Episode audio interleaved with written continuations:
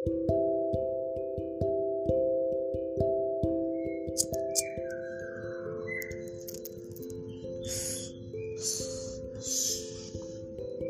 terlalu banyak dan masih belum sudah. Terlalu banyak jingga yang setia kamu tenggelamkan bersama gincu merah muda dan batu merah karang. Kemudian kamu bicara renjana yang sengaja dicampur satu bersama kopi paling hitam dan kenang tanah seberang yang jauh begitu jauh yang khas begitu khas seperti aroma tanah dan akar-akar hujan. Aku masih belum bosan katamu berbisik-bisik yang magis begitu magis yang ramai dan jadi puisi. 2020 Halo teman-teman, kembali lagi bersama kami podcast Palapa, bengkel kreasi dan ladang seni mahasiswa psikologi, khususnya psikologi UIN Jakarta. Kita mau memberikan sebuah informasi bahwa kita sudah sampai dan diterima dengan baik di Mars. Bersama saya, Rama Yuda Irawan, tadi saya sudah membacakan sebuah puisi karya seorang penghuni Mars yang judulnya sudah terlalu banyak dan masih belum sudah karya Ismail Alfiano. Silahkan, Il, perkenalkan diri. Halo, nama saya Ismail, biasa dipanggil Jamal, biasa dipanggil Kuskus, biasa dipanggil banyak lah pokoknya. Kadang saya ganti-ganti nama. Sudah terlalu banyak dan masih belum sudah. Sebagai penciptanya nih, itu maksudnya seperti apa? Karena karena cukup multitafsir sih gue rasa puisi lu kali ini. Pastinya ada ada banyak interpretasi seseorang terhadap puisi lu ini. Saya lagi jarang nulis gue, jadi ini tulisan lama ya. Nah, ada ada kali berapa bulan, jadi sudah terlalu banyak dan masih belum sudah itu. Gue pengen nyeritain ini sih sebenarnya. Ya apa ya maksudnya gue kan nggak aktif di medsos ya. IG aja nggak punya kan? Iya, eh nggak nggak main, nggak jadi ini lah, nggak jadi anak-anak Twitter gitu. Lagi seru tuh katanya, cuman gue nggak main. Nggak aktif di medsos, cuman tetap nyampe di di mata gue, di telinga gue yang puisi-puisi yang kuat-kuat soal soal-soal kopi gitu nggak sih? Senja. Senja, soal-soal hujan bukan berarti gue nggak suka ya. Ada puisi kopi yang bagus banget itu punya ini Siapa? uh, ini Wiranegara Oh Wira Wira. Wira Wira Negara dia puisi puisi apa gitu judulnya bagus kopi dia bahas kopi terus Pak Sapardi juga tuh junjungan besar kita kan bagus banget itu puisi hu tentang hujan Bulan terus iya terus eh, Pak Seno Gumira kan bikin tentang senja itu mewah banget. Jadi yang nggak salah menurut gua tentang jingga puisi eh, jingga sen- di eh senja kopi sama hujan. Cuman berhubung gua nggak main medsos nih dan tiba-tiba ya menurut gue rame aja gitu. Orang-orang yang bikin quotes, bikin puisi dan bikin segala macam tentang tiga hal tersebut. Ya bahkan gue yang nggak main sosmed seedik orang-orang aja bisa tahu kan maksud gue gimana Semasif orang-orang itu. ya semasif itu gimana orang-orang yang main sosmed yang yang ya yang yang gak kuno kayak gue lah gitu kan pasti lebih ini lah lebih sering lihat nah maksud gue ya mungkin terlalu banyak sih sampai jadi kebiasaan orang-orang kalau misalnya ah aku aku aku buntu ide baiklah aku bakal ngopi gitu atau wah gila hujan saatnya berpuisi atau wah senja Waduh. adalah segalanya gitu kan Semesta. semesta segala macam jadi menurut gue udah terlalu banyak sih jadinya orang-orangnya jadi gue pengen pengen apa ya pengen nulis aja sebenarnya bukan kritik sih ini Oh, bukan kritik. bukan gue nggak gue nggak ngeritik orang-orang yang nulis soalnya gue juga mager nulis. Jadi ya ya udah menurut gue ya karena menurut gue udah jadi kebiasaan gue sering lihat ya gue pengen nulis aja bahwa udah terlalu banyak dan masih belum sudah aja menurut gue udah rame udah jadi hal-hal magis udah udah jadi puisi banget lah hal-hal kayak gitu dan masih belum selesai masih terus berlanjut. Bahkan sampai sekarang bahkan yang gue nggak main sosmed separah itu juga masih sering lihat masih sering dengar gitu jadi yang pertama sih menyertakan hal-hal remeh kayak gitu aja sih Nah, menarik nih Il. Tadi kan lu bilang ya kalau puisi itu sudah menjadi suatu rutinitas, sudah menjadi suatu kebiasaan. Bahkan di dalam sajak lu pun lu menjelaskan bahwa puisi itu seperti hal-hal magis. Semagis itu puisi, semasif itu puisi di media sosial. Yang gue ingin tanya ini, eh, dari sekian banyak kata kan yang ada di bahasa Indonesia ya lu memilih sudah terlalu banyak dan masih belum sudah lu gunakan itu sebagai judul apa lu sudah memprediksi akan tiba waktunya bahwa puisi ini akan berhenti? Enggak ya gue pikirnya Enggak. soalnya hmm, kata-kata senja itu justru dipakai Pak Seno tuh udah lama banget gue lupa tuh. Sepotong senja untuk pacarku itu nggak tahu tahun 90-an nggak tahu tahun 2000-an awal ya pokoknya itu udah lama banget. Dan ini maksudnya kepake lagi zaman sekarang maksudnya ya meskipun ntar kata-kata senja kopi hujan ini bakal terganti mungkin kata sarung bangku meja kan kita nggak tahu ya. Mungkin bakal keganti kelindes sementara tapi gua rasa ya sistem roda aja bakal muter buat naik lagi ntar turun buat digantiin sama yang lain. Cuman ya nggak bakal sudah sih mungkin istirahat iya cuman selesai enggak paling istirahat ya nggak bakal selesai. Eh, kalau yang ini nih aku masih belum bosan. Gimana tuh? Iya maksud gua kan emang udah banyak yang nulis senja kopi hujan dan segala macam. Kadang-kadang sekarang ada yang nambah tuh variabel semesta masuk. Cuman ya ya ya masih belum bosan aja maksudnya. Kalau gua baca-baca lagi tulisan Seno apa pun itu kayak ini kan gue pengagum Seno banget nih. Gue punya buku jazz kopi dan eh jazz parfum dan kenangan. Kok jadi kopi? Jazz parfum dan kenangan itu kan juga ngebahas-bahas masih senja kan. Dia ngebahas senja keemasan dan segala macam ngebahas jingga segala macam masih belum bosan aja sih masih suka. Yang puisi Wira juga soal kopi gue masih suka dengerin maksudnya ya ya emang udah terlalu banyak cuman hal-hal yang lekat di lu tuh nggak bakal bikin lu bosan sih gue pikir. Ini gue juga cukup tertarik di akhir penutupnya nulis yang magis begitu magis yang ramai dan jadi puisi. Apakah magis puisi ini cukup menghipnotis orang-orang khususnya kaum indie ini untuk selalu berpuisi ketika hujan ketika dia hendak meminum kopinya ketika naik gunung apakah semagis itu sih puisi? Ah, yang gue pikir tuh justru ya pu- puisi sih menurut gue pribadi karena gue suka ya magis sih. Dan yang, magis begitu magis yang ramai dan jadi puisi itu ketika ada orang yang nulis tentang kopi tentang hujan tentang senja mungkin itu bukan puisi cuman ya mungkin dia pengen nulis aja gitu pengen nulis caption IG gitu apa cuman kadang-kadang mungkin ya wah puisi nih.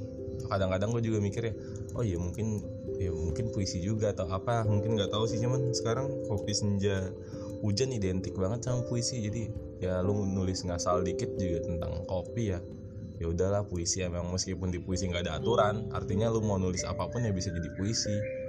Ya ya menurut gua ya cara simpel dan indah menciptakan puisi adalah kopi senja hujan lu kan tadi katanya gak main medsos nih ya. Mm-mm. ini gue gua gue juga sering baca sih puisi-puisi di media sosial khususnya Twitter Instagram Line atau WA yang ada di status-status WA sekarang tuh yang gue udah lihat nih yang tadi lu sebutin juga kopi senja semesta bahkan hujan itu cukup mewakilkan perasaannya sendiri untuk memberitahukan melewati kopi senja puisi itu menurut lu gimana tuh apakah baiknya seperti itu atau mungkin ada cara yang lebih baik untuk mewakilkan perasaannya melewati puisi atau mungkin seharusnya kita harus jujur itu dalam menulis puisi? Nggak jadi masalah sih. Maksudnya setiap orang punya manifestasi diri masing-masing menurut gue ya dalam tulisan. Ya gitulah pokoknya setiap orang bebas memanifestasikan dirinya jadi apa aja. Jadi eh, ya lu terserah lu mau nulis tentang lu. Lu ngebayangin bahwa kopi itu punya ciri khas masing-masing dari tiap daerah atau hujan itu yang katanya 99% rindu dan lain sebagainya. Nggak nggak jadi masalah sih ya, bebas. Maksud gue hidup lu kok jangan ya jangan, jangan jadi susah. Ngomongin manifestasi juga menurut gue dengan cara itu orang-orang yang suka puisi nulis puisi atau mungkin cerpen atau apa pun udah keren banget sih gue bagi gue udah kreatif banget gitu karena dia udah bisa memanifestasikan perasaan lewat puisi-puisi ini Ter- mungkin termasuk gue juga ya. Kayak kemarin tuh ada tuh orang ada. bikin puisi di story WA lah ditaro ya intensinya buat apa sih kalau untuk orang itu lihat gitu? Lucu banget sih kadang-kadang kalau dilihat ya orang-orang ya. Gue juga lucu sih ya. Ngomongin puitis juga nih tadi gara-gara hujan kopi dan lain-lain sebagai manifestasi perasaan rukun indi lah bisa dikatakan. Tahu lu rukun indi? Senja kopi puisi Naik nonton- gunung. naik gunung bila mampu. Mantap. Ada lima ya lupa gue adaptasi dari rukun Islam itu ya. Keren banget emang udah kreatif banget. Adaptasi. Adaptasi. Tapi lu pernah denger gak sih orang-orang tuh yang mau tau mungkin lu punya teman banyak itu yang yang ada di story WA nya selalu setiap malam itu ada waktu yang tertentu ketika dia menulis puisi di story WA entah intensi apa pun dia menulisnya dan menguploadnya di story WA tapi banyak orang nih yang gue liat-liat juga apaan sih lu kayak gitu banget sosok puitis biar apaan sih lu kayak gitu? Tuh gimana sih menurut tuh? Nggak tahu ya orang ya kalau gue sih tipe yang ya udahlah bodo amat. Soalnya gue juga punya temen yang ini maksudnya gini soalnya gue juga punya temen yang suka gitu intensi nulis nulis iseng di satu WhatsApp adalah gue nge-save kontaknya sih namanya Rama 18 dan kalau dia ngepost ya udahlah bodo amat lah. Ya udah gitu sih. Maksudnya ya nggak tahu sih gue nganggapnya ya ya ya udah bodo amat. Ya ya emang hak dia buat nulis cuman ya emang hak lu juga buat baca buat enggak suka suka lah. Ya ya udahlah maksudnya. Ya ya ya udahlah merdeka lu aja. Nggak jadi masalah juga menurut gua. Waktu itu sih ada juga yang bilang sama gue ketika emang ada temen lu ketika lu mengirimkan status itu Mm-mm. dengan puisi-puisi senja lah kopi hujan cinta lah rindu kamu. Itu itu apa ya ah, lu ngapain sih lu sosok puitis banget lu? Sebenarnya menurut gue pribadi sih ketika lu terbelenggu dengan omong-omongan itu lu nggak bakal berkembang. Ya, seharusnya lu bisa memilah milih temen untuk mendukung hobi lu mendukung kreativitas lu dengan cara puisi kopi senja itu. Ya kalau kata ini sih kata Jono. Wah Jono mana tuh? Tetangga sebelah gua. Om Jono. Jadi kalau katanya mah ya ya eh, kita hidup jangan dibikin susah lah. Maksudnya ada sebuah sistem yang diciptakan si founder WhatsApp dengan kepintarannya dan ahli-ahli teknologinya disebut blokir maksudnya lu ya udah sih kalau lu nggak suka di blok aja cuman nggak tahu sih salahnya di mana ya. Gue juga bingung ini kan berbicara toleransi juga. Iya, jadi gini, eh, kan ada orang yang ngupload lo taruhlah lu taruhlah gue yang ngupload set. Ada yang merasa terganggu, tapi kan di satu sisi ya ya apa salahnya gu- gua atau lu atau siapa atau dia atau siapa pengen pengen ngeluarin aja gitu. Maksudnya gue bikin ini nih ah iseng ah tunjukin gitu kali ya tapi mungkin bener juga nggak pada tempatnya gitu. Cuman tempatnya emang di mana sih? Iya kan? Kayak nggak tahu sih bingung. Tapi kayaknya enggak deh nggak salah deh orang-orang yang upload gitu. Kayak ya udahlah gitu. Atau mungkin besok-besok bikin apa ya biar orang-orang biar orang-orang nggak merasa terganggu. Ini kan masalah toleransi juga ya menurut gue Mm-mm. orang punya hak lu juga punya hak mungkin entah tersinggung atau mungkin terganggu dengan puisi-puisi temen lu yang dikirim di status WA tapi bagaimana caranya lu menoleransi itu? Menurut gue sih ini masalah toleransi aja sih. Eh, apa ya? Nggak tahu sih soalnya gue bingung juga. Eh, apa salahnya juga? Ya ya udahlah. Mungkin emang tempatnya cuman di situ ya kayak gua nih nggak main metode segala macam kayak pengen buat platform sendiri gitu kayak buat orang-orang bikin second account yang cuman isinya tulis-tulisan dia doang kayak buat apa sih? Ya udahlah apa itu toleransi lah. Yang penting ya mungkin timbal balik gini sih menurut gue saling menghargai aja mungkin orang ada yang suka di bidang apa ya? Ada yang suka di bidang psikologi mungkin. Tiap hari ngepas alat ukur. Titisan proyek. Sangat proid ya udah lu puji aja lu alat ukurnya puitis banget gitu. Mungkin siapa tahu dia bakal muji lu balik wah puisi lu alat ukur banget. Gitu.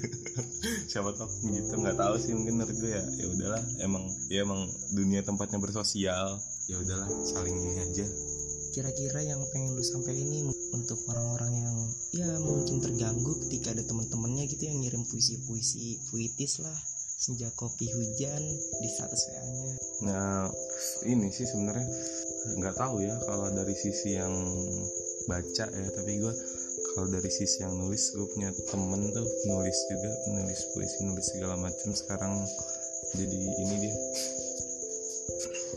Ada temen gue yang suka nulis puisi sekarang dia jadi barista tuh udah indie banget gak sih hidupnya tinggi banget. Indie parah ya. Parah. dan nulis puisi tukang kopi lagi. Katanya kalau minum kopi sasetan lambung sakit. Waduh.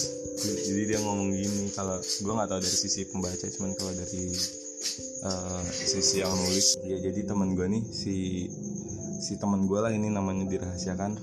Dia bilang gini waktu itu gue ini kan malu juga kan buat nulis nulis ya terus dia bilang gini gue il lu kalau mau nulis ya tulis aja. Kalau mau berkembang ya berkembang aja. Maksudnya ya komentar orang lain gak bikin lu nggak bikin lu ini juga nggak bikin lu jadi sukses juga katanya. Misalkan katanya lu nulis nih il tiba-tiba lu sukses gitu dengan tulisan lu. Ya bukan berarti karena orang-orang yang ngedukung lu kayak il nulis il nulis ya meskipun ada ini ya ada apa namanya? Kontribusi. Ada kontribusinya sekian persen lah sekian apa ada kontribusi dari mereka cuman bukan itu hal besarnya katanya. Ya ketika lu pengen nyoba ya udah coba aja. Ketika lu berhasil aja jadi tanggung jawab lu ketika nggak tanggung jawab lu nggak berarti orang lain harus mutusin apa yang lu buat kata dia sih gitu. Pun ketika ada yang bilang ah il jangan ini dong. Jangan nulis lah. Alay banget sih lo. Ya elah il lu kan nongkrong nih maksudnya katanya. Nongkrong anak nongkrongan segala macam. Masa nulis nulis kayak gitu sih? Ya lah kayak aduh il sedih banget itu galau banget gitu kan. Cuman si teman gue nih bilang katanya kalau nanti lu misalkan nih misalkan 20 tahun lagi dari sekarang takdirnya harusnya lu terkenal nih gara-gara lu nulis. Cuman sekarang lu berhenti gara-gara omongan orang itu. Ya ya orang itu juga nggak bisa tanggung jawab. Ngeri gak sih maksudnya? Paham paham. Lu harusnya terkenal nih cuman enggak ya ya dia nggak bisa tanggung jawab. Nggak bisa ngubah itu. Ya semua ada di lu lagi balik lagi pun ketika ada orang yang ngedukung lu nih misalnya il nulis il nulis il nulis il. Tiba-tiba gue dapet ini kan tawaran kan misalkan uh, gue jadi ini jadi apa ya jadi jadi apa tuh? jadi Semut, ya, semut. apa, jadi semut. Gue jadi semut yang sukses dengan gaji 3 miliar sebulan jadi sukses banget ya jadi semut kayak gitu sukses. jadi tiga miliar. Nah tapi ada temen gue yang muncul nih pas gue mau ngedaftar jadi semut. Il passion lu kan nulis. Lu kan sukanya nulis aja kali ngapain lu kerja kayak gitu? Nah ada satu titik yang harusnya gue dapet 3 miliar nih. Ngerti gak sih cuman gagal nih gara-gara dia nih. Nah tapi balik lagi makanya si temen gue si Bejo ini bilang ya temen lu nggak bisa tanggung jawab dengan saran ataupun kritik yang mereka kasih ke lu. Balik lagi ke diri lu, lu mau kayak gimana coba lu lakuin aja. Dan poin dari sini menurut gue yang dia pengen bilang ke gue ya hidup lu punya lu il. Kayak Iya. orang lain meskipun sarannya baik ketika lu jatuh belum tentu dia mau narik lu ke atas. Oh, iya, ataupun ketika eh, sarannya itu kayak ngekritik lu pas lu jatuh belum tentu dia mau ngedorong lu naik. Jadi ya ujung-ujungnya lu sama kaki lu aja yang berusaha sendiri. Ya, ya menurut gue gitu sih ya. Ya poin gue sih buat orang-orang nggak tahu sih untuk pembaca cuman untuk yang orang-orang ngebaca gue nggak ngerti cuman untuk orang-orang yang nulis menurut gue sih ya lu tulis aja kalau lu mau nulis. Nggak usah dengerin kata orang lain. Belum tentu mereka mau nolong lu atau belum tentu juga mereka mau tanggung jawab sama omongan- omongannya sendiri-sendiri. Ketika lu jatuh ya udah salah lu. Tapi ketika lu berhasil kan lu pede dengan diri lu sendiri. Gitu sih. Pun dari beberapa komentar negatif nggak semua berkomentar negatif sih bagi gue pasti Hmm. ada satu orang atau mungkin dua tiga empat lima orang yang suka gitu dengan tulisan lu atau Iya, mungkin terinspirasi gitu dengan tulisan-tulisan siapa pun lah yang menulis puisi di story WA nya dan seenggaknya kalau emang mungkin lu merasa nggak adanya support system nih ketika lu nulis mungkin ada nih satu orang yang menjadi penikmat puisi lu nih Heeh. dari story WA itu mungkin bisa yang hargain orang itu sih bagi gue sih Iya. itu aja sih sepakat sih gue Iya. jadi eh, mungkin terakhir dari gue kali ya maksud gue jangan jadikan orang yang ngedukung lu itu alasan buat lu ngelakuin sesuatu. Iya. dalam kasus ini nulis ya. Iya. tapi jangan juga jadiin orang yang nggak suka lu ngelakuin sesuatu jadi bikin lu berhenti. Misalnya lu berhenti nulis ya lu lakuin bukan karena orang suka atau enggak ya lu lakuin karena ya lu pengen karena lu suka aja ya lakuin aja. Tuh teman gue bilang gitu sih ke gue gitu. Itu sih gitu aja Nah, untuk segmen kali ini mungkin gitu aja sih teman-teman. Tadi udah ngebedah puisinya Ismail, udah bincang-bincang sedikit juga mengenai literasi, mengenai berpuisi, dan hambatan-hambatan apa aja ketika berpuisi. Lakuin aja ketika lu senang, ketika lu merasa bahagia menulis puisi. Karena Ernest Prakasa juga pernah bilang gini, hidup itu terlalu singkat untuk membiarkan orang lain menentukan apa yang membuat kita bahagia. Jadi selama itu membuat kalian bahagia, ya udah lakuin aja.